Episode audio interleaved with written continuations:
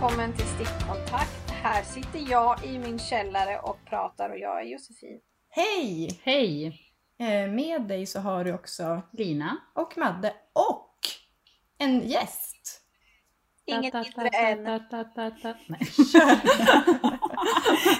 Lillemor Elfgren, även känd som Limo Design. Ja, visst. A.k.a. Hej och välkommen! Tackar. Vad kul att du vill vara med oss.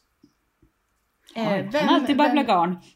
Ja, du är också ljuvlig att lyssna på. Ja, verkligen. Det har du och jag pratat Nej, mycket om. ja, det var ju min största insikt när du pratade om det, när du gjorde den här spinningfilmen. Ja, Det var så här, äh, föll in Ja. i, eh, nu vill jag lyssna i Det var en trygg timmar, famn. Liksom, minst, Ja. utan uppehåll. eh, och det är det ni Men är- lyssnare förlåt. kommer få nu. Förlåt, är du textillärare? Eh, jag har läst textillärarutbildningen. Jag läste gymnasielärarutbildningen textil och historia. Så jag har hela textillärarutbildningen även om jag aldrig tog en färdig examen. Jag ville jobba med textil och historia för mycket. Att jobba med det och inte som lärare. Så därför har jag jobbat med textil och historia sen. Ja, Mm, men eh, det nice. låter som en eh, otrolig... Det har ju gått bra ändå så att säga. Ja, och sen så jag har ju jobbat som en del som textillärare, vikarie och med slöjdpedagogik, museipedagogik och sådana saker. Så att det kommer alltid till nytta. Ja, Inte minst varje dag man ska lära folk om garn. Du, på sommaren kommer det väldigt mycket till nytta. Men vad Om roligt man vill ha lång semester. På, på sommaren kommer det bra till nytta. Ja, Du menar när man har slitit ut sig hela våren och får, får, du får några veckors ledigt? Kollapsa. Jajamän, några veckor, det är ju många veckor. Ja. Men, Det är så eh, jag säljer in läraryrket, lång semester. Ja, ja, det är ju helt klart en USP. Men vad roligt att du säger det, för att du sa ju så här, är hon inte lärare? Och Jag, bara, jag, vet. trodde ja, det. Ja, baserat på hur trygg man var. Ja, visst. Mm. Älskar att lära ut. Ja, och att det var en sån, ett sånt behag. Men det Ja. kan ju folk givetvis ha utan en utbildning. Men du, du satte den. Lina hade, hon Men hade jag koll. kan ju ha hört det också. Ja, säkert. eh, vi tänkte ju prata lite om ull och spinna garn och så. Men vi börjar med, eh, vem är den här Limmo? Frågan är fri. ja, jag bor i Vännäsby. Det brukar inte Mm. många ta. Det är Vännäs kommun, jag bor- ungefär tre mil väster om Umeå. Då brukar folk börja begripa var, var jag bor. Så ungefär 20 mil ovanför Sveriges mitt. Så att jag är inte längst upp i norr. Det är jättemycket av Sverige kvar. Ja, Ja, visst. Ja, Men visst. det vet ingen. Eller det förstår ingen. Eh, nej, så att det är det här, ledsen om jag är dryg med det ibland. Ehm, och jag brukar väl titulera mig själv eh, hantfärgare och textilhantverkare. Det är jättesvårt det här att sätta titel på. Vad gör man när man har ett yrke som inte är inom de normala standarderna. Hade jag fortsatt att vara lärare eller jobba som historiker eller när jag jobbade på museum, det, det var lätt, lite lättare att förklara för folk då Mm. vad jag gör. Men, Men jag brukar alltid fråga- Mm. Jag brukar alltid fråga människor vad, de, vad gör ni en vanlig dag på jobbet när de, när de säger arbeten som jag bara, jag fattar inte dyft av vad du sysslar med. För att då får man ändå en inblick i hur, vad de sysslar med. Typ. Ja. ja, vad gör jag en vanlig Ja. dag på jobbet? Eh, Ja. Lyfter kartonger, lyfter tunga grytor full med vatten, skvätter ner mig själv och bär lite säckar. och ibland plockar jag bort fårbajs också. Det är ingen liksom glam, glam och glamour. Att det är ju det är som spännande när man får frågan Åh, jag vill jobba i garnaffär som dig och klappa på garn hela dagen, sticka. Ja, givetvis, jag klappar på garn och jag stickar. Men man gör ju mycket annat också. Som in, det som inte är så glamoröst och syns. Ja, och speciellt du som gör, alltså även spinner och så. För det är väl där liksom fårbajset och bära, alltså jag tänker att det blir en ännu skitigare vardag liksom än att bära kartonger bara i en garnaffär. Ja. Nej, och sen så är det, det, det är lite av varje. Jag lägger ju upp jobbet som jag vill. Så länge jag får iväg garnerna till er så brukar det ordna sig. Ja. Hösten. Men hur mycket spinner du? Alltså, jag tror inte jag förstått att du spinner så mycket. Eller? Det är perioder. Det är perioder. Till exempel när jag får hem till min pappa då har jag en spinnrock stående där. Så då brukar jag spinna istället för att sticka. Till exempel. Eh, och sen är det som lite periodvis. Nu när det har varit vidrigt varmt då har jag gömt mig hemma. Neddragna persienner mitt under takfläkten och suttit och spunnit. För det har varit en av de I få mörkret, sakerna jag stått liksom. ut med. Jag är Men- team, team frysbox. Ja. Eh, alltså jag har levt i vår källare i några dagar PGA värme, alltså värmeslag och det är ljuvligt. Sitta inne och hantverka i halvkylan är underbart. Ja, så man inte får de där klibbiga händerna så man inte kan ta i material. Ja. Men alltså, jag tänker ändå, men då sitter du typ, eh, kollar du på TV när du spinner? Jag vill ha liksom paint the picture. Du är, det är neddragna Mm. gardiner, det är takfläkt. Eh, ibland tittar jag på TV och TV-serier och det. Annars så just nu så lys- eller lyssnar på ljudböcker och det helt Ja. enkelt. Mm. Båda funkar ju. Det är lite som med stickningen, att man Ja. behöver knappt hitta någonting. Du, si- det vi- sitter ju i fingertopparna i den känslan. Ska vi slänga in den här att om man vill höra historier om när Limo spinner så ska man bli Patreon. Exakt. Eh, det är då du lyssnar på minikontakt där Lim också figurerar en liten stund. Eh, ja, men eh, mer, hur gammal är du? Alltså jag vill ha Ja, sånt mer. där vill jag också ja. ha. jag, är för, jag är 41. Ja, det är ju... Vad, då, jag, förlåt, jag är ju, men då är du 81 Precis. Ja. Mm. Men då, Mm. ja, då är vi ju Ja, det är nästan... väldigt eh, Mm, generiska här. Är du född och uppvuxen i Vännäs? Eller hur hamnade du där? Eh, när jag kommer ner från Långsele, det är Sollefteå kommun. Jag säger det extra tydligt. Sollefteå, inte Okej. Skellefteå. Ja, Nej, ja, ja, ja, ja. Olika kommuner. Eh, så det är där jag är född och uppvuxen och är hem till hemstället Runoberg. Där Runobergs Mhm. fröer startade bland annat. Eh, Jaha. men det är väl som många andra. Jag började läsa på universitetet i Umeå och sen träffar man sin Ah. karl och blir kvar. Ja, visst. Ja. Bor du i hus? Vi eh, lägenheten bostadsrätt. Men alla tror jag Ah. bor i hus, helst en gård med massor med får. Ja, om, ja, vi har en väldigt, väldigt liten som uteplatsbalkong men jag tror inte några får skulle trivas bra där och jag tror inte grannarna triv, trivs med om jag Men du stoppar in massa har får. husaura alltså? Vad sa du? Ja. Du har husaura? Mm. Ja. Det kanske jag har. Eller ja, jag har ju hus tillsammans med mina syskon som familjestället och det. Okej. Så. Men då, då det äger jag så här en fjärdedel, en halva och det, så det är inte riktigt samma sak. Nej. Men hur är det med, vart har du din butik? För du har ju också en fysisk eh, garnaffär helt enkelt. Ja, jo, för då har jag sån tur att jag, det hyr jag, faktiskt min hyresvärd, hon är också professionell slöjdare. Det bästa typ av hyresvärd Oh, man kan ha för wow. sånt här. Ja. Så då, då, då hyr jag lokaler det ganska precis på andra sidan älven mot där jag bor. Jag kan se tvärs över, men jag simmar inte över. Och jag är för feg för att gå över isen också på vintern. Men så då har jag lokaler där jag hyr så jag har färgeriet. Nu har jag, Ah. Till början hade jag bara ett rum på 20 kvadrat. Nu har jag lite mer, ett separat Nice. butiksrum så att jag inte, ingen är att få färg på kläderna. Och sen lite lager och sådana saker. Och det, det är ganska skönt att kunna separera det och att kunna ha en ja, butikslokal och ta emot folk. Nu är det Ja. över 12 år sedan jag flyttade in i de lokalerna. Innan, när jag började, då färgade jag allt hemma i köket. Och det är ju ganska nervöst. Det kräver ju väldigt få mm, eh, stänk av färg så kan man ha sabbat någonting. Och det var ganska roande också att redan då började jag få förfrågningar. Jag minns det var en Röda Korset-grupp från Umeå som undrade att de skulle på en bussresa. Och så här bara, ja vad ska vi komma förbi och titta på dina garner? Eh, vi bor på 60, 69 kvadrat. Ehm, och jag stod i hallen och jag är inte den ordningsammaste människan. Jag tror jag hade mitt garnlager i någon sån här kallaxhylla och under sängen. Så jag stod där och tittade rakt in i sovrummet som man ser bara, ja, du vet obäddat och allt bara, eh, nej. Åk till Slöjdarnas hus, det är en stor slöjdbutik men av en ideell förening istället. Där finns mina grejer. Ja. Det hade varit liksom ganska roande att ta hit en på sin buss. Jag såg framför mig en buss med röda tant, korset-tanter som, som inte skulle få Välkomna. plats. Men hur... Bjuda på eh, kaffe, sitter vid köksbordet, bull. In i sovrummet Så jag bara. bara, Men hur-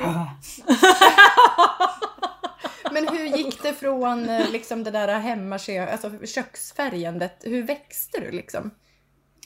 Eh, ja, jag är sån, jag kan inte göra saker riktigt småskaligt kanske.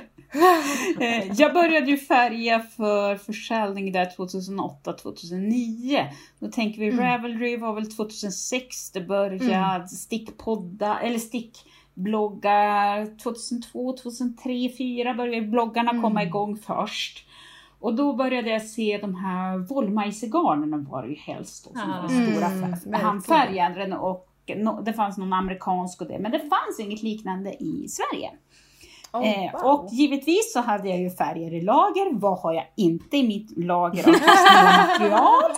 Eh, eh, väldigt, väldigt mycket ka- redskap kan vi säga för det mesta. Eh, och jag hade ju garner så då färgade jag lite. Och så färgade jag lite Ja, det är till. Så färgade jag lite till och då började man sälja och jag höll ju ändå på med hantverksmarknader och sånt och så bara, hej jag tar en Mm. webbutik och whoops så har man garnaffär. Oh, Mer, mer planerad än liksom- så är inte mitt företagande. Till en början. Men det är ju ändå något så här business i dig som tänker så här, här finns det lite, här behövs jag, typ. Men hur är det, alltså då, för då hade du ett vanligt jobb så att säga. Har du, nu, Eh. nu jobbar du inte med något annat, eller? Nej. Och ja, då, då jobbade jag, jobbade mycket på timmar och det. Sen, så nu, Mm. sen, sen hade jag en anställning men från december 2016 jobbade jag bara med det här. Innan dess var det några år när jag Grattis. hade två heltidsjobb kan man säga. Just det, ja. Men Oj. det är ju otroligt. Jag tänker att det är ganska få förunnat ändå att liksom kunna Mm. leva på det. Ja, när jag försörjer mig ju helt själv. Det är också så intressant när man får besökare i butiken och det. Även på mässor med mer faktiskt besökare i butiken och ofta de manliga faktiskt. Att de undrar bara, ja fast lever du på det här? Vad jobbar du med mer och sånt? Och de gillar Ja. också att antyda att det där att man har en man, partner också Ja, som just det. väl drar det stora lasset så. Medan det, du det, det är ganska spännande.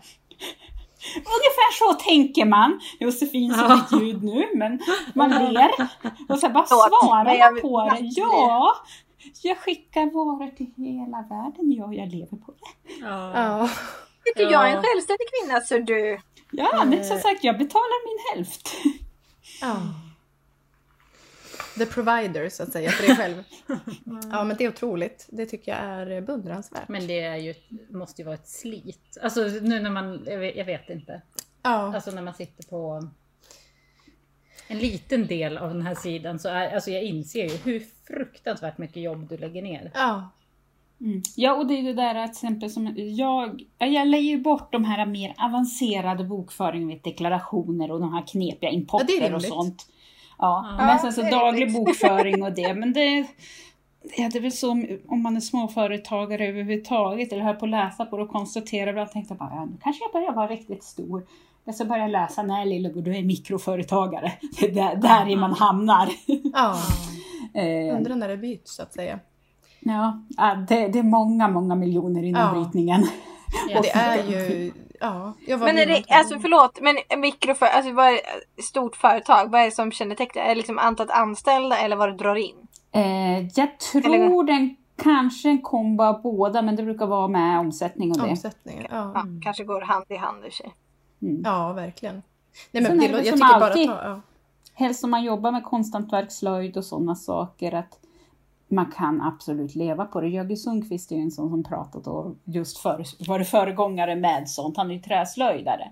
Men sen är väl fråga om, ja fast hur mycket vill man konsumera? Mm. Och, och världen mår, mår inte bra av att vi tokkonsumerar. Det är mitt ständiga Mm. dåliga samvete över att sälja grejer. Så jag säljer Mm. saker för konsumtion. Så då får vi väga över det med att kunskap, förmedla kunskap och just Mm. Ni vet, ni vet hur jag tjatar om materialkunskap och sånt. Mm. Eftersom ni har lyssnat på mig uppenbarligen. Att just den biten, att få med den, för då kan vi genom, när vi stickar, virkar, väver, att det är därför så här, dra inte ner på skolslöjden. Eh, Att det är genom att få Don't kunskap. even get me started! Det har alltid varit så. Jag vet inte, när läste du textillärarutbildningen? Jag? Ja. Eh, ja, jag slutade typ nyligen. Eh, Nej, det är sanning modifikation. Men eh, 2016 typ. Mm. Jag började på den 2001 och då också var det så här bara det ska ifrågasättas, ifrågasättas, ifrågasättas slöjden Mm. i skolan.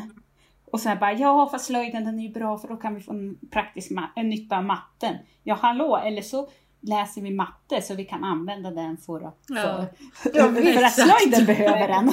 Men alltså, eleverna fattar ju, alltså, de, de, oftast tycker de att slöjden är det absolut roligaste. Men det är det ämnet de förstår minst syftet med. Mm. Och Så nu, det- ja. nu mer än någonsin så är ju slöjden hemkunskapen och det är bland de viktigaste ämnena i skolan. Just för det är här vi får de praktiska kunskaperna som gör Mm. att vi börjar respektera kläder, konsumtion. Ja, visst. Alla kläder sys av en mänsklig hand, det är inte robotar. Det är någon i Bangladesh som knappt får betalt och blir inlåst. Sen vill jag också hävda att slöjden är ju de få ämnena där du lär dig att så här, planera, genomföra, värdera. Och det är inte i alla ämnen du lär dig det. Utan det får du verkligen lära dig slöjden. Du får själv lägga upp hur du ska göra. Och sen liksom problematisera och problemlösa och hitta din väg dit. Liksom. Men Och också typ så lära idag- sig att man kan något. Eller att man kan liksom Jo. lära sig att förstå att så här, jag kan skapa något själv. För det gäller ju allt, Oh, inte bara ja. slöjd. Och jag tycker alltså i apokalypsen, vilka står sig, alltså står Ja, det är. Och Jag brukar vara gästlärare ibland på Handarbetets vänner och då brukar jag säga bara att de, ni är framtidens superhjältar. Just det där att, ja fast man, man, man kan saker, man kan de eh, praktiska sakerna. Sen kanske jag drar det ännu längre ibland men jag är inte prepper, jag bara råkar göra saker som jagar. Ja, men alltså, jag läste prepplistan, det här kriget i Ukraina, vad man skulle ha med på prepplistan när kriget i Ukraina dök ut. Och, och då var det så här ullkläder och varma kläder och kände check. Ja, Inga inga konstigheter jag. Nej, nej, nej. Men jag tänker också så här typ att kan man sticka en tröja så är det någon slags självförtroende-boost. Då är det så här, ja, jag kan ju sticka min egen tröja. Då kan jag givetvis göra A, B, C, alltså några andra grejer också. Det är ju något, man får ju någon, någon grundbult i kroppen Ja. liksom. Men jag Och har vill ha... Ja, och har du stickat den där tröjan? Ja, fast då vet du hur många timmar du har lagt ner och hur Ja. många svordomar och allting sånt där och kanske pengar på, på garn som du tyckte var dyrt. Då tar man då hand om den. Du Ja, gråter stora verkligen. tårar om du råkar tova den och sen så lappar du den, du stickar på nya muddar. Du tvingar dina barn att bära den när de blir tonåringar. Ja, eh, alltså, Eller så ja, snor nej, de men det den. Det går inte att jämföra sorgen när man gjort Nej. något själv. En mal. Ja, jag ska inte, Nej. nej, det är så fruktansvärt. Det De onämnbara. Det blir så, Men det vad, blir så ska, otroligt mörkt. vill du, vad kan vi mer? Jag vill ha något mer Nej, men juicigt jag- om ja, men jag- lim och själv. Jaha, oh, okej. Nej men jag är med, jag tänkte nu på Handarbetets vänner, det är ju så här, det är ju en plats som jag inte vet någonting Mm. om. Alltså att det är någon typ av finare kultur, fulare kultur, alltså Mm. så här. Hur hamnar du där? Vad gör du där liksom? Eh, jag fick en fråga, nu ska vi tänka, det var hösten 2016 faktiskt, att eh, vara med och ha en som spinnundervisning, workshop med deras eh, var det första års elever. De har vävmässan, den är ju vart tredje år. I år är den, fakt- den är faktiskt i år äntligen i Halmstad. Eh, För då väver de alltid ett projekt med mattor, med yllemattor som visas på vävmässa. Och den här gången då skulle de ta fram egna yllegarner för vävning tillsammans med Bovens spinneri. Och då ville de ha en spinnworkshop för det, just det där att ta fram fysiska garnskisser på hur ska vi ha våra vävgarner. Så det var, det var första gången. Och nu Ja. sen då har jag i flera år haft just spinnundervisningen med förstaårseleverna. Så jag är bland det första, de, möt, de som läser minst ett år, jag är bland det första de möter på terminen. Det är jätteroligt. Men vad då är det en skola? Eller vad nu? Ja. Va? Handarbetets Ja, vänner, den ligger på Djurgården, faktiskt mittemot ingången till Skansen om man har varit där. Men jag trodde att det var liksom korta kurser. Det är långa. De har Mm. korta kurser, så här, både kvällskurser, Kvällskurs. terminer och det. Sen så kan du läsa hela utbildningar. Är det på en, två eller tre år. Så du kan ta gesällbrev till exempel i vävning och ja, är det där vi broderi. Ja, Mm. okej. Så vävning och konstbroderi är ju som deras grund. Men sen så har de ju även med Eh, eller eh, mm, broderi, konstsömnad, de har ju även med klädsömnad, stickning och så. Jag. Och jag Mm. trodde som du när jag började första gången tänkte jag bara åh här kommer jag, nu kommer jag och frislöjdar. Ungefär tänkte jag. också. Ja. Ja. Men faktiskt, det är ju ja, Lille Sickerman, du vet hemslöjdens grundare och sådana saker Ah. som var med och bildade det. Och det är en ganska häftig byggnad så Ja.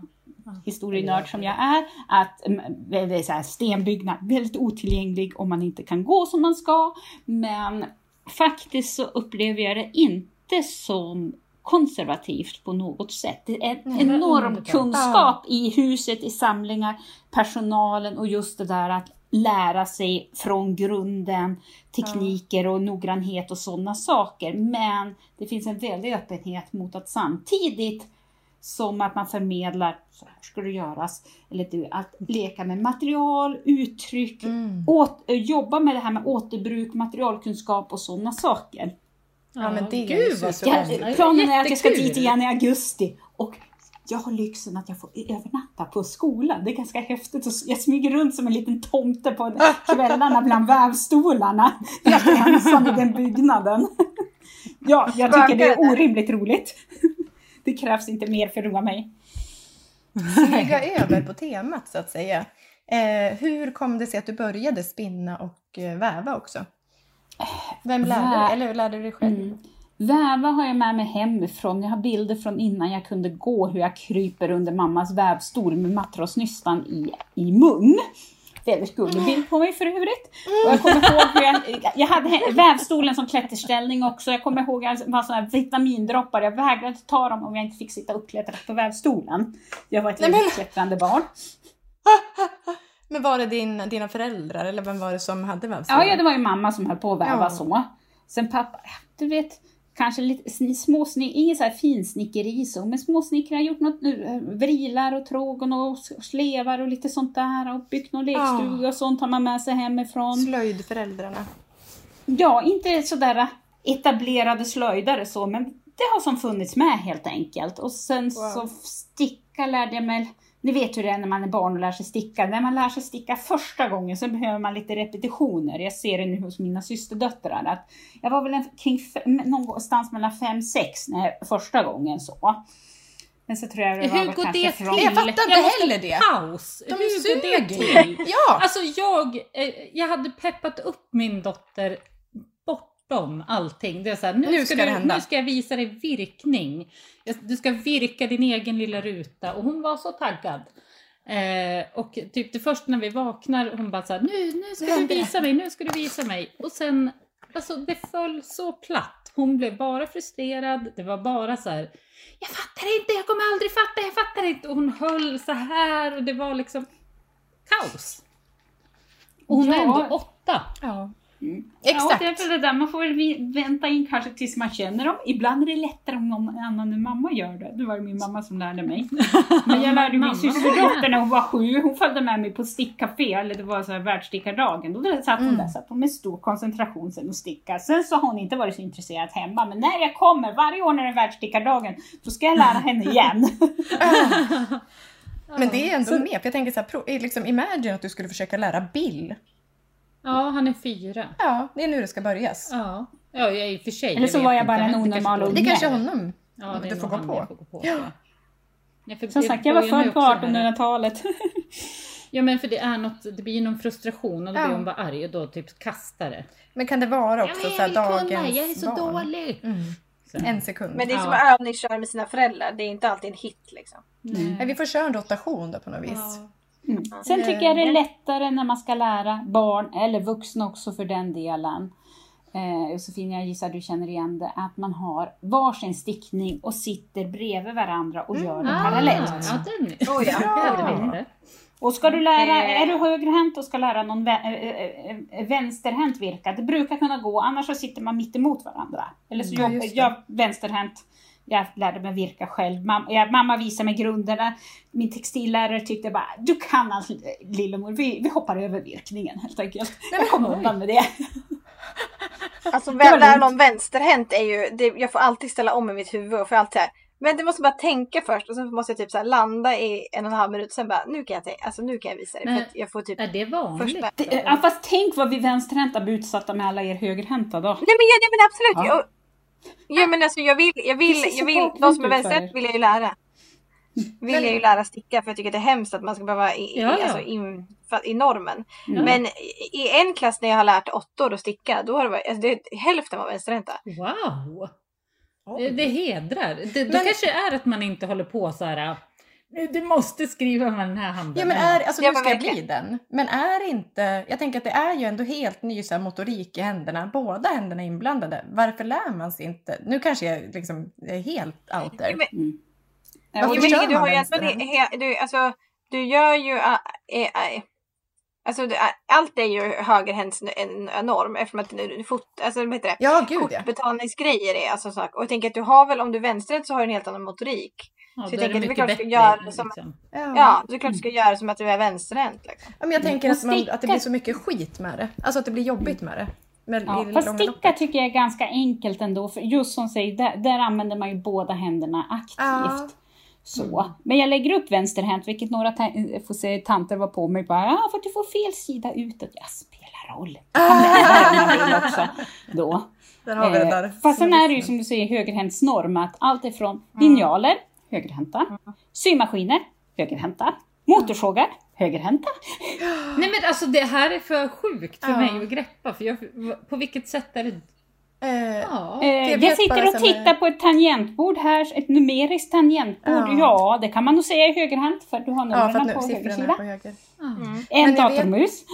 Men typ, ja men precis, det är ju verkligen en grej. För typ kameror är ju högeranpassade eller vad man ska säga. Ja. Och det är så här, fotografer som är vänsterhänta får ju typ träna upp sin högerhand för att kunna, alltså för att de, det går inte att göra något åt det. Liksom. Så de, eh, det vet jag är svårt om du är fotograf och vänsterhänt. Men det är min enda liksom, relation till Ja. när, när något så här jobbkrångel kommer in i det. Mm. Men ehm, ja, spännande. Ja. Eh, så du är också vänsterhänt. Då fick vi en till liten Ja. pussel till limopusslet. Men, eh, men du sa att du lärde dig väva mamma, men spinna, var det också liksom när du var fem år gammal? Nej, det var, även om jag har lärt de yngre än fem år spinna. Nej, För att de når inte ner till tramporna då, det är det som är problemet när man ska Just jobba det. med spinner också. Min systerdotter hon får sitta med knät för hon når inte att trampa själv än. Eh, nej, för att spinna det var när jag jobbade som guide på Västerbottens museum. Jag började där 2007 och spinna var något som jag alltid varit sugen på att lära mig. Men det hade som inte blivit av eller haft något och då hade jag dem jag jobbade med där som kunde. Så att en visade mig grundan på en slända och så var hon tvungen att springa iväg till mitt hus. Och där stod jag och kämpa och muttra medan folk kom. Titta barn, hon står och tovar!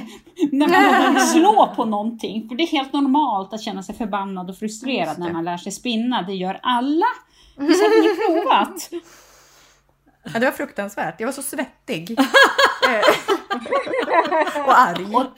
Och därför ska du inte hålla ullen i en boll i handen. För är du svettig och arg, ja du får en väldigt bra tovad boll då. Men Ja, blir svårt det var exakt det som hände. Men också att jag tappade, den lossnade, studsade iväg. Alltså det var så vidrigt faktiskt. Det var inte...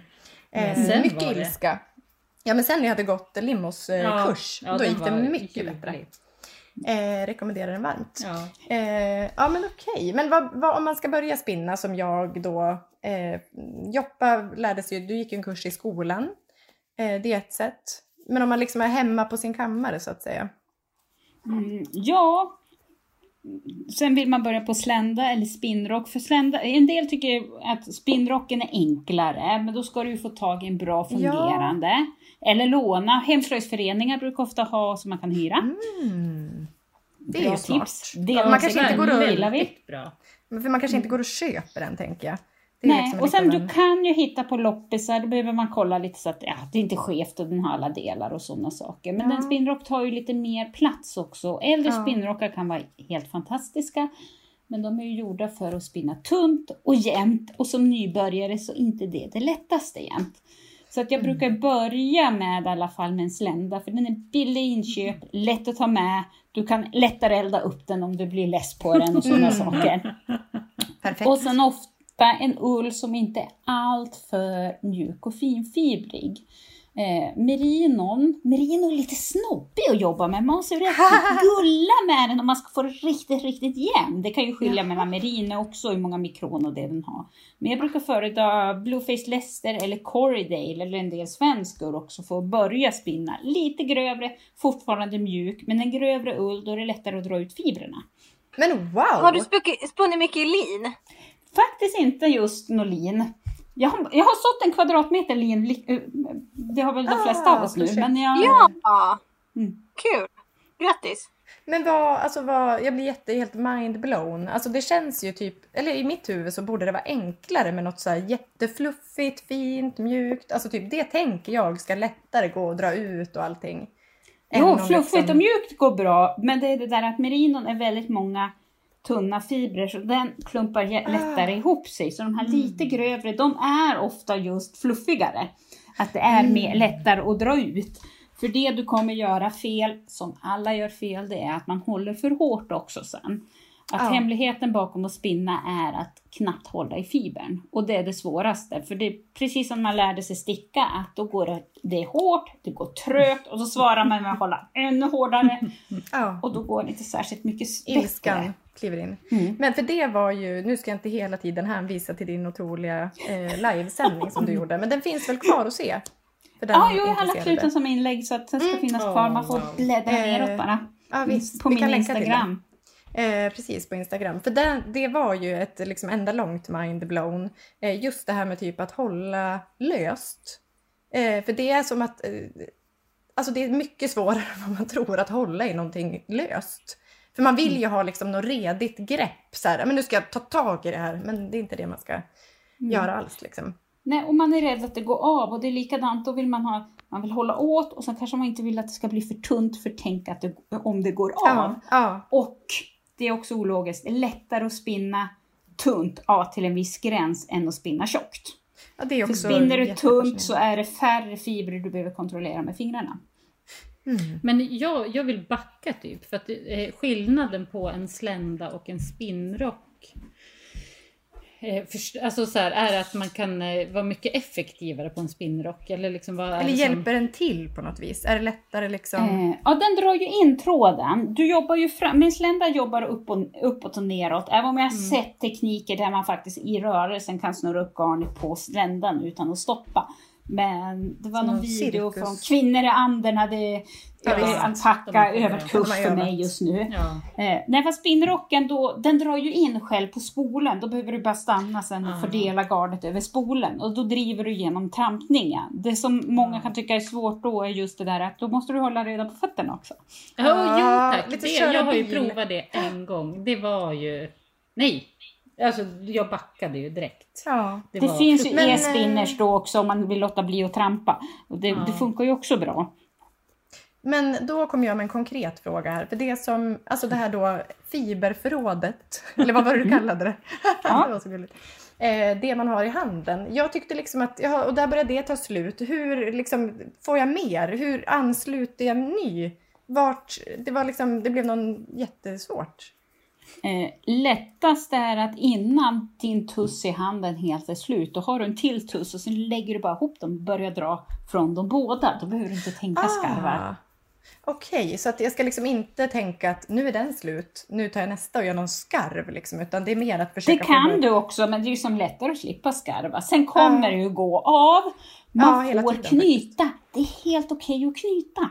Mm. Helst i Garnet början. eller, eller Alltså klumpen? själva- Eller Eh, garnet, garnet om det går av Alltså då- sen. Ja, Ja. ja. Mm. För det tyckte jag också var svårt, att det går av. Om vi säger att jag inte vill knyta, hur liksom ansluter man Ja. då? Eh, Får du några så här små snuttar med halsbundet, bort med det. Det, det klarar inte du att vara ledsen, inte just nu i alla fall. Jag brukar ofta slänga den hög och allt som är kvar när kursdeltagarna går hem, det, det kör jag igenom kavmaskinen och spinner jätteroliga garner av sen. Åh, vad kul! Eh, Oh, vad smart. Wow. men det. då, då tar jag min ull, fiberförrådet i handen. Jag fluffar ut lite grann, drar ut lite tunt. Sen Ja. drar jag ut så att jag har kanske ett par decimeter av tråden jag har spunnit. Och där nere börjar jag skarven. Ja. Sätter fart på eh, rotation på sländan och sen drar jag ut så att det är lite fibrer parallellt med tråden som bara fjupp, klistras ihop. Oh, wow. Ja, kanske inte fjupp men Ja. Men jag kommer att undvika det. Jag brukar visa det, då har jag två olika färger så man ser verkligen hur det blir mer och mer och mer fibrer av den andra färgen. För att Ja, få för då ser övergången. man ju liksom. Eh, men om, om vi säger så här, vi- jag och Lina var och träffade alpackor. Ja, Eh, och då köpte jag en kasse ull från dem. Eh, det kan man ju göra, det känns en ganska vanlig, man kan hitta liksom, eller så få Mm. av någon någon, Ja. vill du ha det här? Ja. Ja. vad gör jag då? Det ska ka- tvättas, ka- eller ja, kanske inte tvättas. Det, där, det var ju tvättat, alpackaullen. Ja, lätt, lätt rensat eller vad det stod. Ja, eh, men om det är Nej, men jag grannarna skulle här. verkligen ha från, från klippt ull till... Ja men typ grannarna, jag fick en kartong. Ja, eller från våra för den delen. Ja. Ja. Alpackor är lite lustiga. Jag misstänker, jag måste kolla med några bekanta med alpackor. De verkar gilla att rulla sig i jord. De har ju inte en fet ull som fåren, utan de är mer, de är jämnt dammiga. Man blir helt svart av damm om händerna när man sorterar det. Så egentligen vare sig det är fårull eller alpackaull. Eh, jag håller faktiskt på mycket med det nu för jag har allt för mycket säckar med ull liggandes som måste tas om hand om. Eh, då börjar jag med att sortera den. Eh, ut på presenning, ett bord, eh, ett nä- en ram med hönsnät eller något. Ut med ullen och sen så ja, plocka bort fårbajset. Klövrester, ofta passar man på att verka klippa klövarna på fåren när man ändå håller fast dem, äh, har dem för att klippa dem. Ehm, och sen så är det ju ja, skräp, kan vara hö, halm, timotej, ondskans avfödade, får se, nypa om och bort med hela innan den exploderar. Så bort med allting sånt. Sen tar man även bort, eh, ofta brukar man tänka att man vill ha fibrer som är minst 3 lockar som är minst 3 centimeter. Är det kortare än så så det blir inte riktigt bra. Ja, sen beror det på, en del eh, fibrer är ju inte längre än så, men då får man ta det då.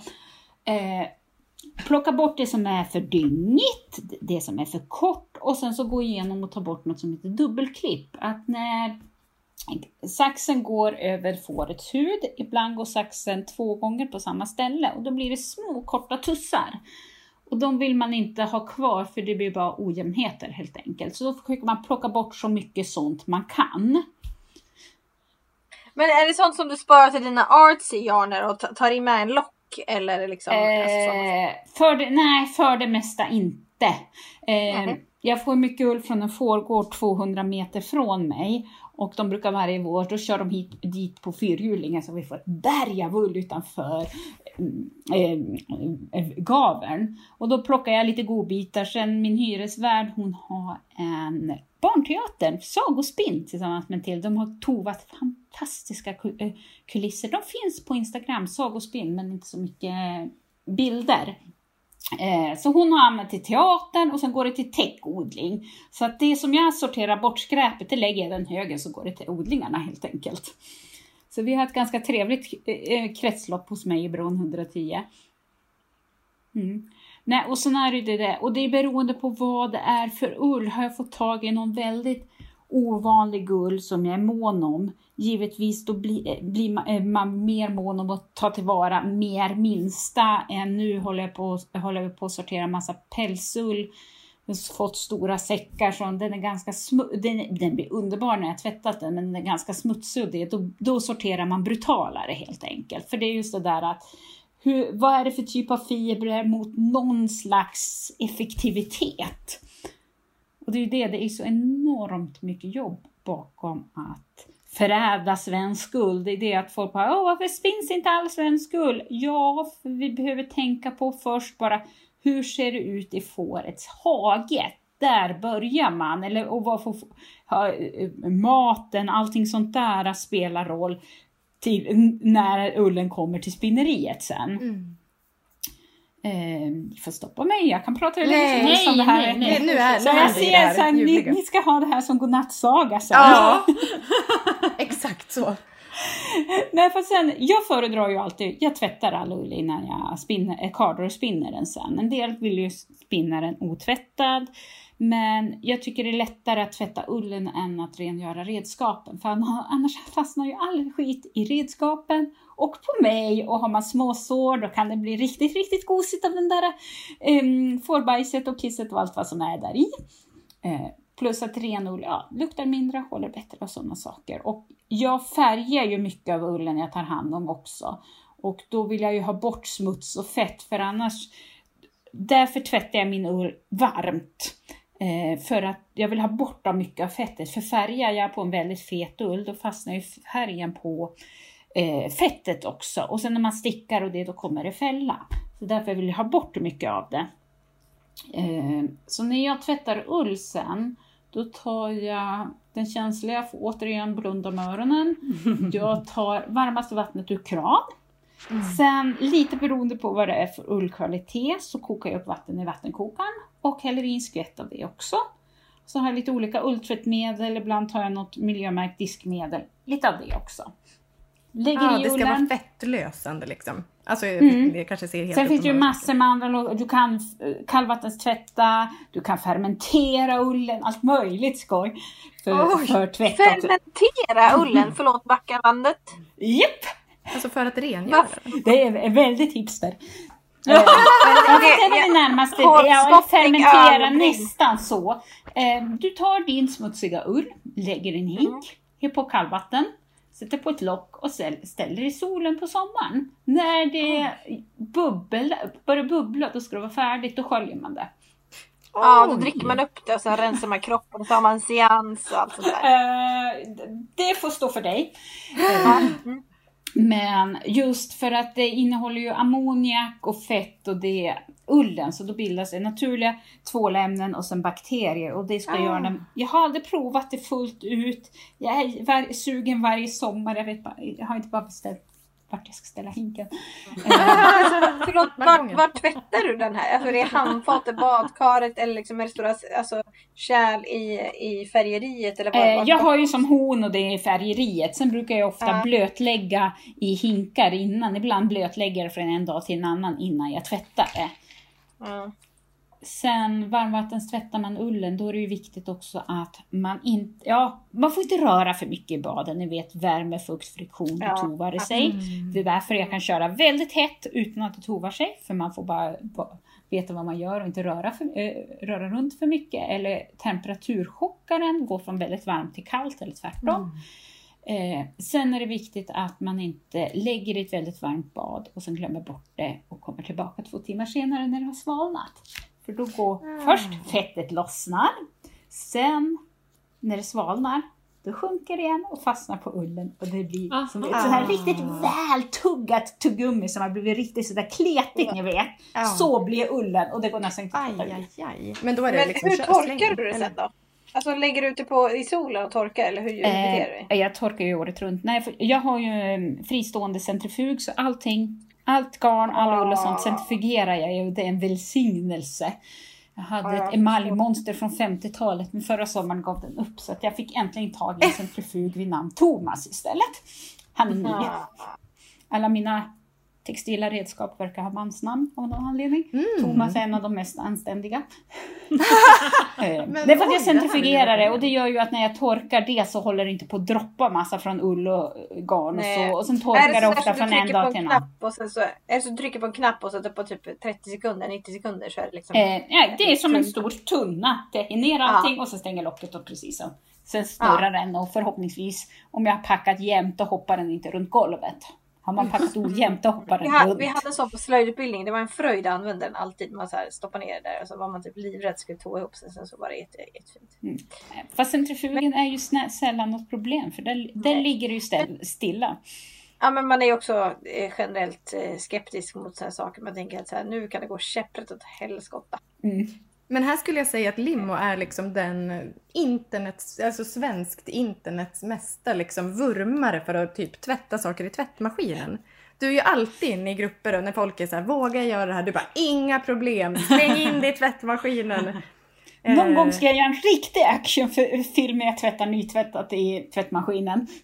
Ja men alltså för det Jag är måste ju, bara ha någon, någon som filmar ordentligt och lägger på musik åt mig. Just det. Det var så ofta, och det vet jag, jag har fått de rekommendationer om vi tänker från Rauma. Eh, jag har en kusin, eller jag har typ kusin, hon jobbar på en av Norges bästa eh, garnbutiker, Husfliden i Levanger. Och de har också mm. bara tvättar allt handstickat i maskin. Ullprogram, 30 grader, ingen tvättpåse. Mm. Då går Men det jag bra. litar inte på ullprogrammet. Eller jag litar inte på min tvättmaskin. För jag tänker att så här, man måste dubbelkolla allting, trippelkolla allting. För om, om man typ har, alltså något barn har snurrat på vredet eller liksom Och det har hänt. någon annan. Det var Eh, lite ja. stressant. Vi köpte en ny så här, superdigital tvättmaskin som spelar melodi och det före jul. Det var ganska Ah, stressant första gångerna. Och så innan man får ordning på vilket den ska ha AI och sånt där. Bara, vad gör det tvättmaskin? Kan du inte ha ett vanligt vred? Gör som jag säger. Eh, men hur är det? Annars Alltså, det här- provstickar man par vantar, eller provtvättar Ja. par vantar först medan man sitter och glor in i tvättmaskinen så är man säker Just. på att den bara vaggar Lär känna snällt. den. Lär känna din tvättmaskin. Men hur är det nu? Så här, ulltvätt, eh, är det samma sak som fintvättsprogram? Eller vad kan det heta? För min har ingen sån liksom, ull. Fintvätt ull. behöver inte vara samma sak. Att ett ullprogram, då är det ju, du ska ha 30 grader och Ja. ett ullprogram, det vaggar bara lätt. Det typ, man tror bara, är det något fel på tvättmaskinen? För den typ vaggar till en gång i minuten eller Ja men det låter ju ändå som något man kan eh, liksom se. Jag tänker att jag börjar, behöver undersöka det för jag vill jättegärna använda det. Men jag liksom eh, min snabba okulära besiktning av min tvättmaskin som också är en sån som spelar melodier och håller på. Eh, den, ja, jag vet inte vad jag ska välja av. Ja. Nej, för på min, jag var tvungen att säga bara, den ville ha 40 grader av någon anledning. Jag vet inte om den ser det är någon Samsung eller något. Det var AI. Så den tror att det är någon sorts så här superwash ylleprogram. Bara, Nej, nej, nej, nej, ner på temperaturen. Nej, det ska ju inte blandas ihop så att säga. Eh, men hur är det med superwash? Nu halkar jag in lite där. Men superwash, det kan man tvätta liksom hur som helst. Alltså det är bara så här, det står det 40 grader, då är det ett vanligt 40-program. Det är inga... Nej, det är ett vanligt 40-program Ja. då. Eh, Åh herregud, skulle aldrig. Mm. Sen är det ju det att Ja, det tvättar, ju du, så tvättar du kallare så sparar du ju på resurser också och energi. Så det är inte som inte någon nackdel. Sen kan det ju vara värt att första gången i alla fall tvätta precis som det står. För tvättar Ja. du inte precis som det står, ibland så här, "Ah, jag går ner i temperatur eller någonting. Ja, fast då gör du inte som tillverkarna har beräknat att du ska hantera det. Nej, för kanske det händer ju- roliga saker. Ni som jobbar med kundtjänst gissar jag har varit Nej, jag är jo, inte men, än. Jo men den, eh, fast Men, jag kanske ja. inte på din. eh, Nej. Men det här med att någon hade tvättat eh, ragg, alltså typ raggi. Nej, på- svensk ull. Sven- Ja men så på, Och färga av sig. ja. Nej, det var Tova. Men mig att det var något superwash, alltså att det var så här, jag tvättade ju det, jag tvättade på 20 grader till och med. Nej men det står ju 40. Mm. Och då, det var också lite så, jaha, man ska alltså liksom verkligen, det blir inte snällare bara för att du tar mindre grader utan då, då kan det bli, då fäller det typ. Ja, jag vet inte. Men något sånt, att det hände något med det för att de hade tvättat det för Ja, snällt. men jag såg någon på internet vars tvättmaskin också hade gått sönder. Det Va? var någon grej som hade åkt in på något sätt så att centrifugen inte gick snabbt nog. Aj, jag aj, vet inte aj. vem du var, men du kanske... Nej. Men eh, jag läste den. Alltså så, här, så att den eh, centrifugerade inte så snabbt som den skulle. Och då hade det tovat sig. Aj! Mm. Alltså för att det inte Ja, låg men det, det tryck. där man är livrädd för, för att det, det Ja. kommer hända skit liksom. Mm. Alltså, Mm, men tänk också det behållningen. kan man ge sig fan på. Ja, Ja, det och det är ju det där när du centrifugerar, då är det tillräckligt, då pressas det ju mot trumman. Det ligger ju stilla, så centrifugen är, är inte fienden. Det är inte Nej, den den som är gör, inte normalt trasig. sett som gör att du, det tovar sig. Mm. Ja. Så att skulle Som det då sagt, lite... sk- skicka inte hatbrev om, om något händer och ni, tvättar inte innan något händer. Nej, ta med er det här. Lär känna din tvättmaskin. Det är det som Ja. är liksom Så det cue. finns mer än 40 graders pro- normalprogram. Men Jag sen- provade faktiskt eh, ullprogram på min maskin för ett tag sedan på Alone Together Sweater för jag tänkte så här, ah, blir den mindre så är det också okej för den är, den är ju stor. Liksom. Jag tänkte här, att, att jag inte är så emotionellt eh, förknippad med den. Jag älskar den men det är också så, jag, jag, kan, jag kan förhålla mig till det. Leva Och det funkade. Det funkade. Eh, men eh, jag vet inte om jag skulle våga göra på något så här något annat. Liksom. Nej. får kanske bara... Nej, det är läskigt. Men det är ju liksom för att eh, komma tillbaka till att man är ju så rädd om grejerna när man har gjort dem själv. Ja. Det är liksom egoismen i det hela. Eh, men och det är väl det också, jag stickar fort, jag stickar mycket, så då är det bara, ja, tjopp in med det. Just det, din En, process är klar. en flerfärgstickad morgonstjärna i handfärgat garn. Ah, fy fan! ja men folk blir ju Ni vill inte veta och... hur jag gör när jag klipper upp koftor. Men alltså, Jo men är- där har jag brev. Där är jag helt... Alltså, så, Ja. men tvätta just där. så där, alltså, det, man, alltså, jag, är det typ Järbo tvåtrådig ullram och finor? Äh, id sy. Va, stå på ett bord? Jag sitter ju här på en bänk, jag lägger, slänger upp den på knät och här har jag en liten sa- nagelsax. Tjup, tjup, tjup, klippt. Alltså det är... Och sen då? Med kanterna? Jag, är här, jag hädar samtidigt som jag säger så här ska du göra tror jag. Men eh, då, sen har du klippt och då är det klart. Det, det är liksom... Ja, men och hur gör du sen då, då med kanterna? Mm, då, då kastar jag fast dem helt enkelt. Sen som jag klipper utan att ha, eh, ha sytt eller virkat före, då, då är jag väl mer benägen att sy på ett band dessutom. Som, Ja. Ja. För då, då håller det ju. Mm. Ja. Men är det ett hundraprocentigt ullgarn som är obehandlat då, då får ni ju inte något, just något att tala om. Nej, men det, alltså det löper, maskorna löper ju bara nedåt. Du, Mm. du, det är inga problem. Det där, där är jag härdad. Absolut, 100%. Ja. Jag klipper i allt. Hur som. Men sen då för att komma tillbaka till, eh, då har du tvättat ullen, den är Mm. ren. Eh, då är det något karda som ska ske. Ja, och kardar på kardmaskin då den först, alltså fluffar upp fibrerna. Mhm. Förstoppar man bara in lockarna helt till kardmaskin så mår inte kardmaskinen så bra helt enkelt. För det är ju nockor, det är ju som små, små, små piggar och de vill man ju hålla hela. Så då antingen har jag som en liten låda med ondskefulla spikar som jag kan stoppa i och Oj. dra fram och tillbaka.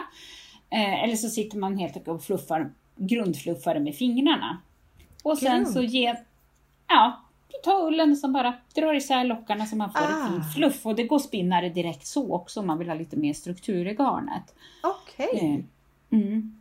Handkardar man, då behöver man inte som tesa först. Då är det mer bara viktigt att man ser till att inte ta för mycket ull på kardorna samtidigt. Och då är det de här klassiska kardorna. Alltså de, Precis. Ja. Och det behöver inte gå fortare att karda på kardmaskin än med handkard nu, en, Mhm. ö, nödvändigtvis. Utan det handlar ju med kardmaskin också. Jag har en större palett att måla på om jag använder någon av mina kardmaskiner när jag blandar färger och så. Mm. Men hur, eh, vad heter den? Har den ett mansnamn? Big Tom XL tänker du på? Ja visst! ja, Åh herregud. Inte Mega Monster Dildo, kardmaskin.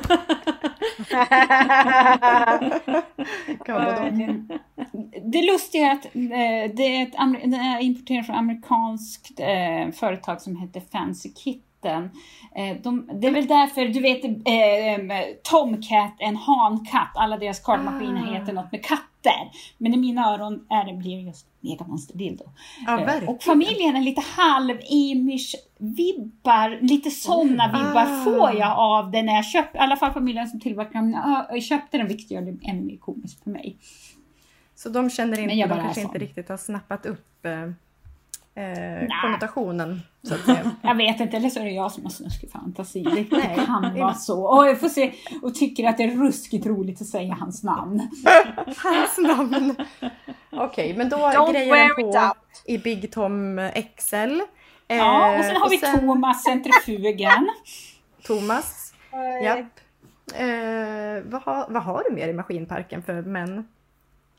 Ja, det är ju mitt nyaste tillskott. Mm. Så han, han, han anlände i början av juni. En Er- Erlbacker Gerhardt. Eh, en sockstickningsmaskin. Ja, Mm. samma som ingenjörs, eller samma Är det säger jag. lika? Ja, det är en, visuellt lika, det kanske inte är samma, men eh, det här Ja, klickandet. och den är ju en Ja. kopia. Det finns ju, jag har en antik icke fungerande som inte är komplett också i mitt lager. En favorit. En, jag insåg att jag skulle inte riktigt ha tiden att renovera den. Mm. Ehm, och så hade jag dreglat på den ganska länge. Och sen så när man är vuxen så får du inte ens minsta klistermärken när de tar sprutor eller du, jag råkade ju behöva operera mig två gånger i höst, eller råka och råka, ja, i höstas och så inte får man minsta belöning så då gav jag mig själv en belöning i form av en gjorde och, ett nytt, och ett nytt hantverk att lära mig. Mm. Så att Men- jag övar på honom. Jag har inte hunnit riktigt så, men snart ska jag kunna sticka en färdig strumpa på den. Så att det, är Mm. inga, det är absolut ingen fuskmetod för stickning med maskinstickning.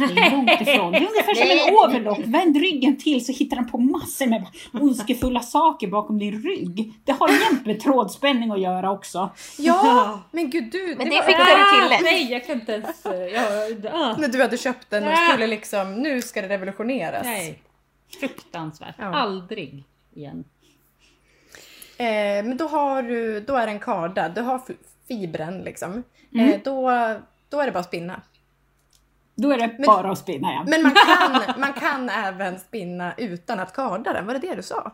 Ja, du kan ha bara tesa ullen och spinna den eller man kan spinna den från lock också beroende på hur ullen är. Hur, man kan ju spinna lockgarn där det hänger lockar eller de är väldigt uppenbara eller så just det där att den är så pass fyllig och fluffig så du bara kan dra ut direkt från lockarna. Och sen kan Ja. man ju kamma garnet också med ullkammar.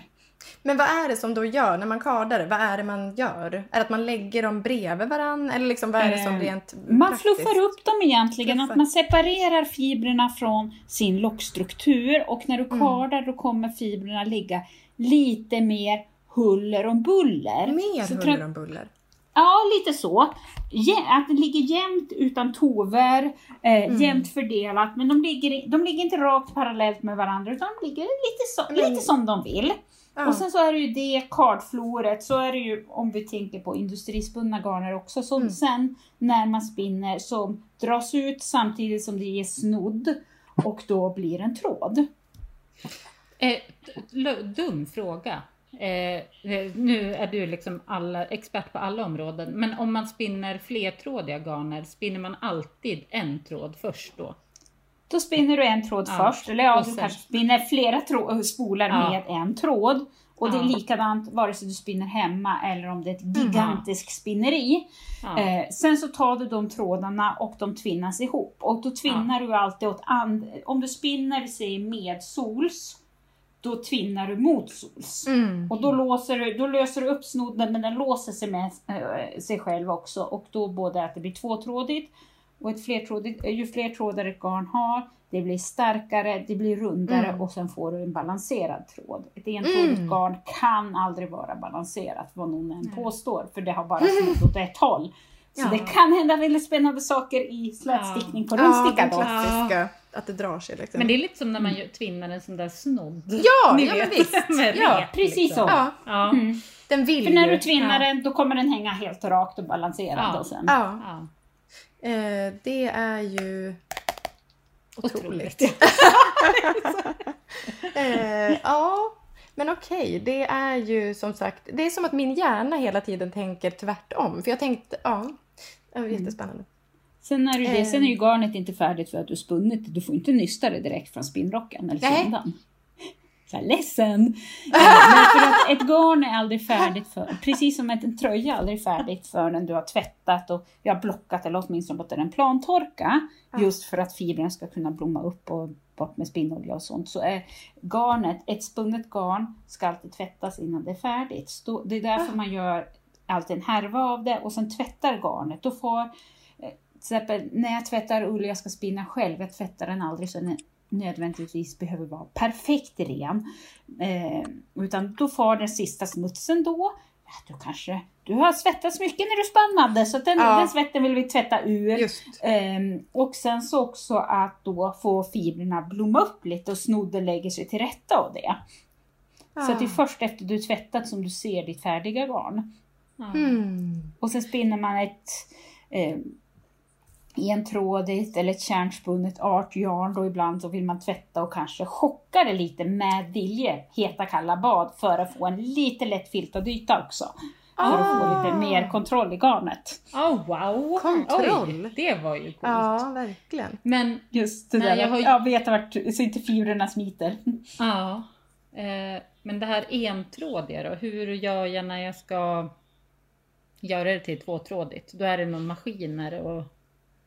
Nej, du tar din Eller? slända eller din spinnrock och då är Ja. det det där att Traditionellt då har du till exempel, tar du en slända då är det bra att ha några tomma toarullar för då kan du nysta av ditt entrådiga när du har spunnit en mängd. Då nystar du av på en toarulle, sen spinner du lika mycket till, nystar av på en toarulle. Mm. Sen tar du båda dina toarullar, knyter ihop ändarna, hänger på sländan, Ja. snurrar sländan från andra hållet och sen så är det nästan som när du spinner så att du låter dem eh, tvinnas ihop med varandra. Och sen tar av och nystar på på sländan precis som du gjorde när du spann. Oj, vad smart. Oh my! Ja. Men det är ju ett eh, jobb. ja. Eh, Men hur lång tid, om, om du ska spinna, nu är du ett megaproffs, men om du ska spinna liksom 100 gram garn, hur lång tid tar det för dig? Eh, Jag har faktiskt aldrig riktigt klockat mig. Jag är dålig på att klocka mig själv. Mm. Men liksom Mm. mellan tummen och pekfingret? Ja, ehm, I våras var jag hem till pappa i fem dagar. Då hade jag med mig en spinnrock som jag spann för att spinna tvåtrådiga på. Och då hade jag med mig ull så att jag tror jag spann jag tvinnade det inte men jag spann entrådigt. Jag gjorde lite annat om dagarna också motsvarande till ett kilo. Okej, det är ju på fem dagar. jättemycket ungefär. ändå. Sen Alltså, gjorde jag lite det- annat då. Men, Men det var det, ja. För, ja. för mig tog det ju typ två timmar att få eh, två meter. mm, Så att helt normalt klart i att- början. Mm. Fast det är Eh. ändå väldigt li- om man jämför med tiden och vad, det, vad du tar för garnet i så fall. Så Ja, ju, men hur tänker du när du sätter pris? Om man ska vara lite så här konkret. Eh, när du sätter Mm. ett pris på ett handspunnet. För de är ju Det- bara helt sinnessjukt fina dina handspunna. ja, det är det. Eh, Det är jättesvårt. När jag började att sälja handspunnet, det var väl där kring 2009 då, ja, någon bekant, så jag har aldrig tagit under 200 kronor hektot. Det känns som ett absolut minimum. Ja. Och tänker ni Ja, 200 snarare kronor hektot, det betyder garn för 2000 kronor kilot. Mm. Det, så man, ska inte, man ska inte översätta det i kilogarner. Sen givetvis med kostnader och typer och sånt, och så ska jag, det är ju en del av mitt levebröd. Så kring 400 kronor hektot ungefär. Ham, Mm. Men, men vad blir... Ja, men jag tänker ändå så att det borde typ, Mm. ja, men det är den klassiska frågan givetvis, att det är så här, du borde ta 10 000. Ja, men det går ju inte om man såklart. ändå jämför med ett handfärgat. Ja. är, om man köper ju lätt ett, alltså 100 gram handfärgat för 250. Ja. Om Mm. du dessutom har både färgfibrerna och spunnit det sen Ja. så borde det vara... Nej, och som nu jag har en Minst det korg, dubbla. det har haft, när det kommer besökare nu så bara, och sen kan jag peka, ja, de här, en stor del av den här ullen kommer från fåren ni ser 200 meter bort Mm. från fönstret. Ja, ja, det är ju... Nej, det är Ja, starkt. Det är- skoj. Nej, och det är ju Starkt, sådär att ja. det blir ju sen, jag har ju ett tag spann jag väldigt mycket hund och katt på beställning, jag har häst och allt möjligt. Åh, Eh, wow! Det, jag tar inte på mig sådana beställningar nu. Det var nästan ännu svårare att sätta pris på. För där var det det, då blandar man fibrer och sådana saker. Det tog jag mer för. Ja, det är rimligt. Ja. Gillar du inte hundhårsgarn?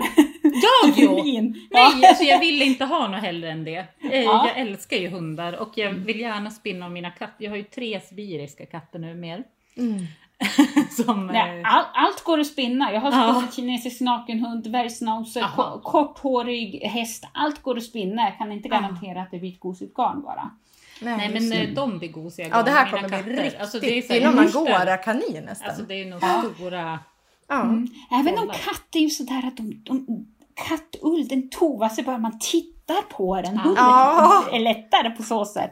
Men det är lite beroende på ras och det är ofta så blandar man med lite ull för att få lite elas- elasticitet.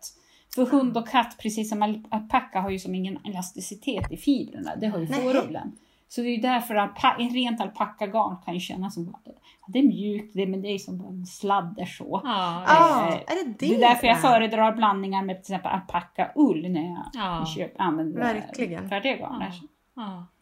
Men... Nej nu, gud, nu tappar jag bort. Men det var något... Vi pratade Katten. hundhår, katthår, eh, priser. Eh, ja, sen så att jag inte spinner eh. hund och katt, dels så Ja, det men jag vet ju att det tid. där har varit Och ibland är det ganska liksom. tråkigt att ha sådana här lön, lönspinningar, beställningar. Så jag man vet jag måste spinna ett kilo beige. Ja. När jag vill spinna glitter, färger, Ah! allting sånt. Jag kan Ja. spinna massa beige men jag vill kunna variera och göra Ja. blandningar. Så ibland tänker jag helst mina tvåtrådiga att jag ska bli bättre på att göra så att jag har flera härvor av samma färg och det. Men ibland är det Mm. ganska trevligt. Jag har fått det blir 50 gram av den här. Eller mina de här entrådiga sjalgarnerna. Där Ja. jag skardar specifikt ett hekto av en färgblandning och sen blir det ett hekto garn och det räcker till en sjal. Ja. Och det, det är ganska, fast jag skulle vilja se dem i lite tröjor och det, det hade varit intressant att se något. Ja, verkligen. Jag måste ju göra något. Jag köpte ju då tre eh, härvor. Ja, Av, det vackraste vi har sett. Mm. det, ja, verkligen.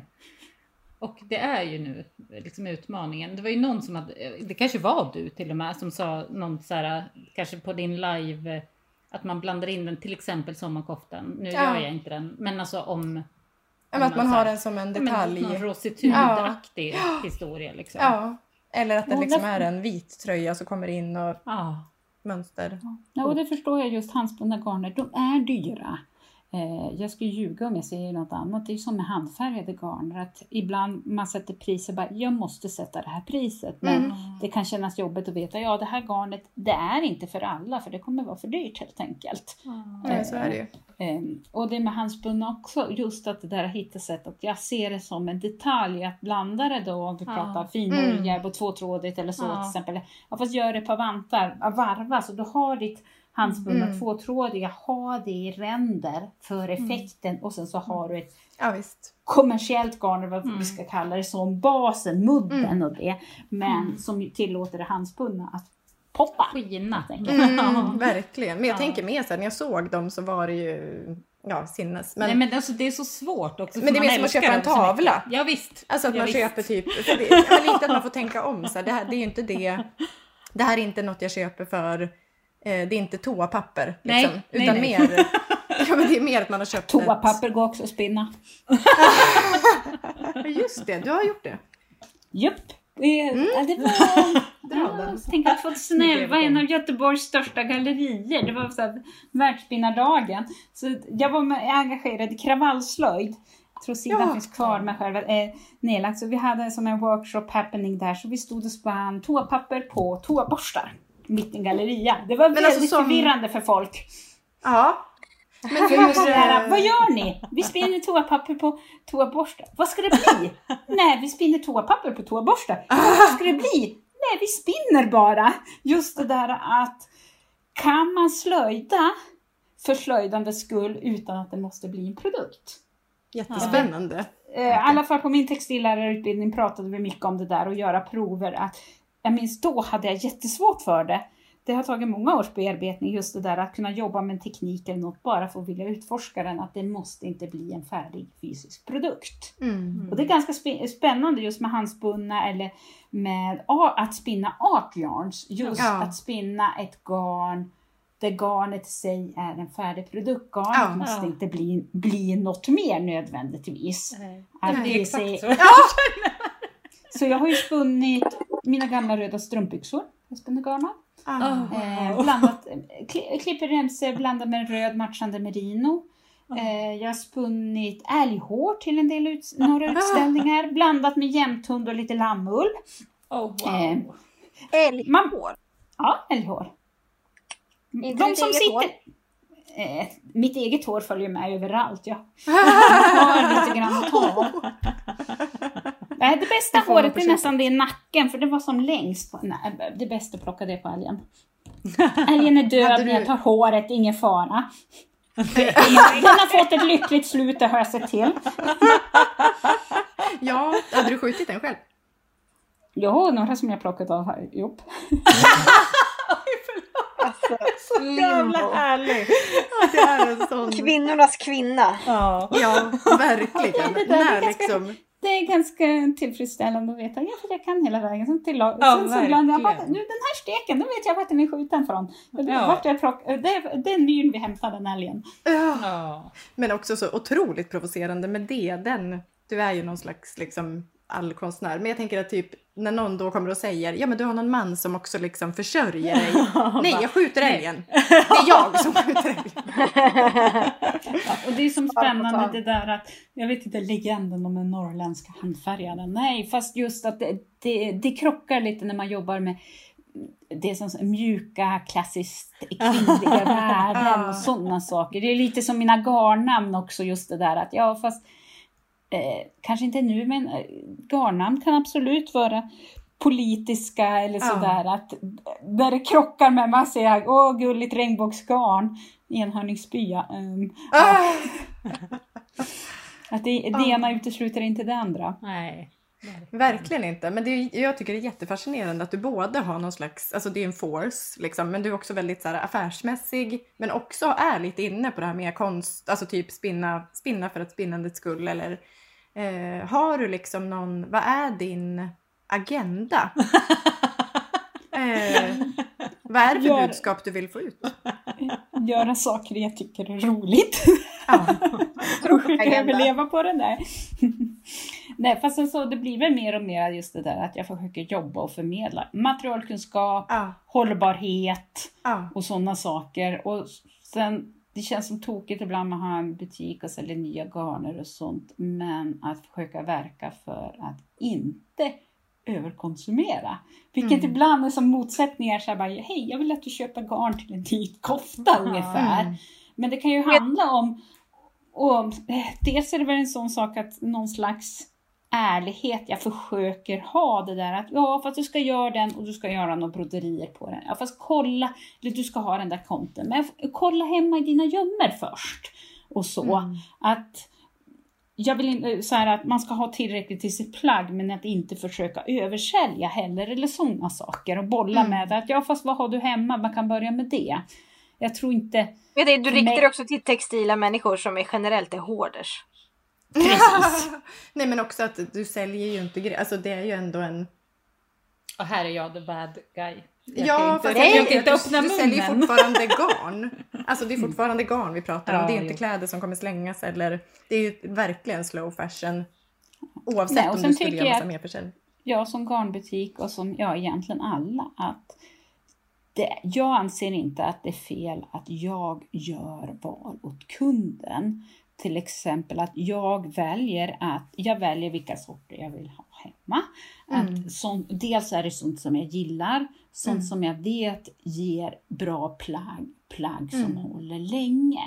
Att jag Mm. kommer slå dig på fingrarna om du tar en entrådig härva och säger att du ska sticka strumpor av den. Så här bara, Mm. vet, du vad, vet du vad du gör? De kommer inte hålla. Dels för Mm. jag vill inte att du ska bli sur på mig och och jag påstår att jag har sålt fel garn till dig. Men just det där att jag, jag kan välja ehm, att ehm, jag har rätt att göra valet åt dig att inte erbjuda garner som jag Mm. vet av olika hållbarhetsskäl kanske inte är mindre bra. Mm. Men det, sen tänker jag också att du aldrig har ansvaret för någon annans konsumtion. Det är väl liksom en Nej, det kan jag inte. Nej. Det kan jag inte. Jag kan välja vad jag väljer att erbjuda som jag Ja. tycker är Sen, jag, jag säljer det som saker som jag gillar också. Mm. Sen är det ju det, det svåra, till exempel man tar in garn, vare sig jag färgar eller när Det är ju som viktig del för att kunna överleva utan att slita ihjäl sig också. Mm. Att jag färgar, det är som min huvudprodukt. Men sen har jag ju färdiga garn, Mm. Rauma, Järbo, Pal och liknande. Att just det kompletterar, dels är det en rättvisefråga att ha garner Mm. i flera prisklasser så att alla har råd och att man har saker att välja mellan. Men Mm. också för att minska mitt slit. Men då är det ju det här utmaningen, man kan inte bara ta in färger jag själv gillar. Vad Och just för färger, även det. Mm, jag är nästan jämt klädd typ svart, grått, urtvättat grönt. nej, fast en, så här, en riktigt djup röd är ju aldrig fel på något sätt. Mm. Men du, det liksom är ju roligt ändå att du säger det och dina handfärgade garner är ju ofta väldigt, väldigt eh, färgglada och glittriga Mm. och jätteroliga. Men då är det liksom att du vill inte ha det på dig men du vill färga det. Jag vet inte, jag skulle nog inte ha något större problem med det. Jag har ju i alla fall mina mässklänningar är väldigt blommiga och färgglada och så. Det är inte som man, ni ser mig på mässor som jag är klädd till vardags så. Nej. Jag är bara väldigt bekväm och ointresserad av att köpa kläder. du vill sitta i mörkret, neddragna. Lagom, lagom varmt bara och, och sticka och spinna. Mm. Ja. Ja, livet, verkligen. Är det över 20 grader blir jag sur. Ja.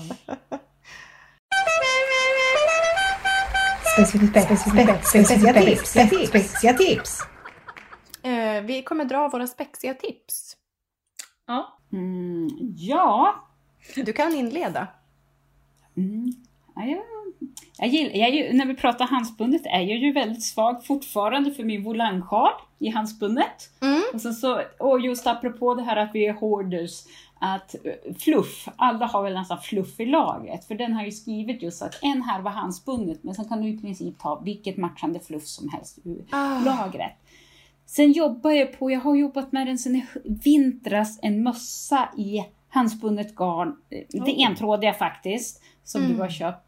Eh, blandat med en tråd fluff. Just Mm. eftersom det är entrådigt stabiliserar det lite till en mössa. Mm. Eh, mönstret är inte riktigt färdigt för jag har inte hittat det mest perfekta namnet men nu tror jag att jag har löst det. Nu tror jag att jag har löst det så att jag kan släppa det och troligen blir det ett gratismönster. Ah, kul! Mm. Så jag tror det blir Gutta Perka den ska få heta. Ah. Gutta Perka-bollar. Åh gud, du är så... Men du, ja, för du är också designer. Alltså, Ja, det, det är inga Det- nej, strängar finns som inte ingenting. spelar Nej, på den här lyran. ingenting. Nej.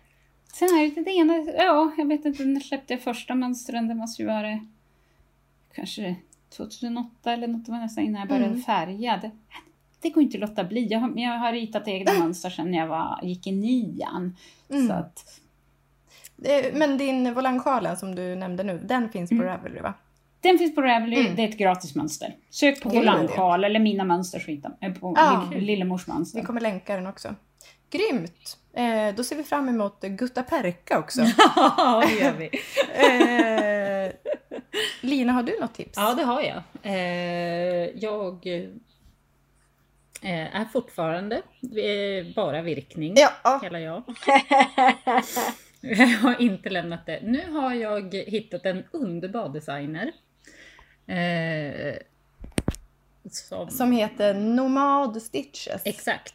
Och hon Nomad. har gjort, eh, precis släppt en, eh, en, ett linne som heter Tulip Tank. Ah, Som är då ett virkat linne med en liten, nu alla har väl typ sett den här Tulip, vad hette hon? tröjan. Ja, tröjan. Ja. Som där är en liten... Volang. Är det inte? Volang, ja, men det är något Vågkant. vågig ribb. Här har vi då en virkad, eh, ett virkat linne som är liksom ganska tajt och eh, ser lite så basic. Mm. Snyggt ut. Eh, jag och var... hela hon liksom var Verkligen, det var vingård hon här på också. Bulgarien. Det är sportweight. Balt. Eh, ja, Mm. jag har inte läst på så mycket men jag letade väldigt Jättesnyggt. länge tills jag hittade den och jag var otroligt Men är det inte så många linnen nu? Alltså det är Jo. så mycket linnen. Det är verkligen årets eh, sommartrend. Linnen. Assnygg. Eh, Eh, och mormorsrutan va? och Den mormorsrutan. håller ja. Oj, den tar Ja. över världen. eh, Joppa, vill du gå över till ditt tips? Det vill jag gärna. Jag har ju då eh, teststickat. Eh, och eh, mönstret är nu släppt. Mm. Mm, Randen på stranden. Det var jätteroligt. Ja. Jag är lite kränkt över att det inte varit Josefin. Men skojar. Eh, Nej men det är Emilia Jensens eh, senaste släpp så att säga. ah. Eh, och det är då en påse, projektpåse som man kan ha till stranden, man kan ha den till ICA, man kan ha på loppis, man kan ha till stickdejten, man kan ha den till eh, sin stickning i, man kan ha den till vad som helst. Den har Mm. Den blev klar för typ en vecka sedan tror jag och jag har haft den med mig eh, vart jag än är typ. Det är lätt att bara Ah. Trycka ner saker. Jajamän. Oh wow! Alltså den är ju... Eh, Trots sen leverans. Ja, assnygg. extremt sen. Det är svajig leverans i, i teststickningen. Men eh, ja, nu är jag helt... Alltså, eh, jag började, blev besatt och sen bara körde på. Och den är liksom... Du stickar den här randiga. Det är liksom... Det är en... Hälften är enfärg, hälften randig. Men det är liksom snett över. Och sen är det två i-cord tjofsar. Alltså, du, du, det är dubbel i-cord. Ja. Så den är, den är väldigt eh, stabil. Den är liksom inte slafsig så att säga. Eh, och men den är i bra har- storlek. Ja. Det Jag som är, nu har gjort tre väskor på väldigt, väldigt kort tid. Mm. Är ju, jag hade ju kastat mig över den om den var virkad. Men den kanske kommer. Men jag... Eh, eh, Psykosen. nej men det här det, det är eh, jag som fortfarande stickar i podden. Ja, just som det. håller fanan högt. Ja, det är bra. Eh, nej men eh, så den, den var väldigt rolig. Och eh, det var väldigt alltså, härliga färger. Jag valde turkos, röd och rosa. Mm. Oh, snyggt. Så att jag hade turkost och rött som ränder. Så hade jag... Vilken otrolig Joppa-kombo. Nej, Va? Nej jag, jag, nu vart jag osäker på vilken jag, vilken var, vilken jag hade. Jo men t- rö, röd som... Ah, ja, den är, den är fab i alla fall. Ja. Den är otrolig. Den är med mig överallt. Men Limma, har du några bomullsgarner? Mm, det har jag några. Jag har, Ja. nu ska vi tänka, Pellini är 50 bomull, 50 lin från är eh. Rauma. Eller jag Jag är ju lite det. partisk men det är många brukar byta linen mot det. det är, linen är lite hårdare spunnen så den delar sig inte lika rätt när du jobbar med den. Pellini. Eh, Eller vad sa du? Ja, vad är det? Line, Sannes. Ja, den men är sig. Pellini hårdare spunnet? Den är lite hårdare spunnen. Ah, jag tror den är kabel... Jag, eh, nu har jag den inte här men jag tror den är kabeltvinnad också så att det gör den lite stadigare. Ja. Nu är vi inne på spinnteknisk Nej men jag vill gå in på allt. Det är helt, Ja, vi det måste är ha med det en tillgång där vi Ja. kan liksom utveckla Jag vet, Linda allt vi veta en egen eh, tagg på det är så, Instagram. nej men det är Eh, helt underbart. Ja. Ja, sen har du Pandora, det är tunnare bomullsgarn, 175 meter per 50 gram. 8-4. Prima bomull, helt ljuvligt. Har kommit jättefint häfte från Rauma med, nya, med sommartoppar och det i det. Och det det bästa, Var det det där Ja, skitcoola? ja, ja. det här 411, det bästa med det häftet tycker jag är att det är jättelätt att använda det om man vill göra till vintern också, linnena och det till exempel i ett fingering ullgarn. Ja, de visst. gör sig jättebra lika väl, att du kan översätta ja. det. Men är det Eh. de som har knappar i ryggen? Ja, jo, en, en Ja. har knappar i ryggen och det är några andra som Ja, för att det påminner lite, lite samma modell som Anna T, Sally och det, men, Mm. men just ja, för det garnet. Sen finns det ett tjockare som heter Petunia, också 100 Mm. bomull, 100 meter per 50 gram. Mm. Så där hamnar du på 20-22 masker per 10 centimeter. Att det Det kom något sommarhäfte som var väldigt ungdomsmänniska, nästan neon, så bara hallå 90-talet är tillbaka. Ja, det är det. Jag älskar bara, det. nej magtröjor, det har vi gjort. Vi har gjort det en gång. Det går bra. Magväskor har också bra, gjort men bort. Jag har förstått de där halsbanden, de där halsbanden Ja. som sitter alldeles åt halsen är tillbaka. Nej, det, kan Nej, det kommer vi inte gå till. Nej, dit går vi Eh, stora kors bara som smycken för skojs skull. Vi Ja, har inte det går sett bra. det än. Det kommer Det går nog. bra. Det kommer. Oh, midjekedjor. Har det kommit? Ja, det, och fotlänk såg ju vi någon Ja, men det hade. blev... Ja. Det kanske blåste. Det blåste. Men det är jättespännande. Ja, alltså, våra barn ser ju ut som liksom replikor av Exakt så faktiskt. oss själva. Ja. Så jag bara ledsen, vi har gjort det redan. Vi var tvungna. Alltså mina Va? högstadieelever ser precis ut som när jag gick på högstadiet. Fast Ja. jag är lärare nu och ja, det är helt Men vet ni, jag tycker om det. Till skillnad från, jag vet att typ så här 70-tals, när mamma sa så, Ja, ja, det nej, där hade fan. ju vi på 70-talet. Nej, jag älskar det. Ja, jag älskar ju Ja. 90-talsmodet. Ja. Eh, Välkommen. Alltså jag älskar det men jag tycker att det känns, känns, alltså, det känns konstigt med tanke på att jag nu är på andra sidan om man säger. Ja, visst. Hallå Här kommer en ålderskris. 90-talsunge. ja, där kommer hon. Smiley-tröja, Ja, alien-väska. Vi, visa här nu för Limo. Min, min senaste virkade väska. Ah. Wow! Ja, Arkivex! Ja, exakt. Ja. Nej just det, vi spelar in. Ja, visst. Eller? Nej men Eh, gud! Eh, Jag tänkte att vi hade typ paus. Jag vet. Det var väl ingen jättebig. Nej, men- Ställ det där ordentligt. Ja. Eh, men nu kommer vi faktiskt att avsluta. Vet ni vad vi missade? Vad Nej. virkar vi på? Ja! Men vi tar det nästa gång Ja, helt vi enkelt. ta det nästa gång. Eh, men tack snälla Limo för att du var gäst. Jag tänker att vi kommer att ta en del två. Där vi Nej, kan alltså, fortsätta in på heller. Material. Materialet Ja. ja. Det är där jag vill Vi måste grotta ner in. mig. Ja. Ja. Hojta, jag står redo. Eh, stabilitet i garn. Ja, eh, jag vill yes. utforska liksom, vad är ett bra garn? Vad är ett dåligt? Alltså Ja, allt det, det där. är ju spännande. När Ni man borde säger ju- liksom. Annars så kom upp till mig den 14 augusti när jag har garnkalas och ska prata sönder era öron. Ja, men jag vill det. ja, det är jag det enda jag Ni vill kan livepodda hos mig. Nej men jag, men jag vill också att du framförallt, det är väl du som ska prata? Ja, jag vill väl höra dig verkligen. liksom föreläsa för mig i tre dagar. Ja, men det kan vi få då. Mm. Det här kommer gå mig Eh. huvudet vet ni.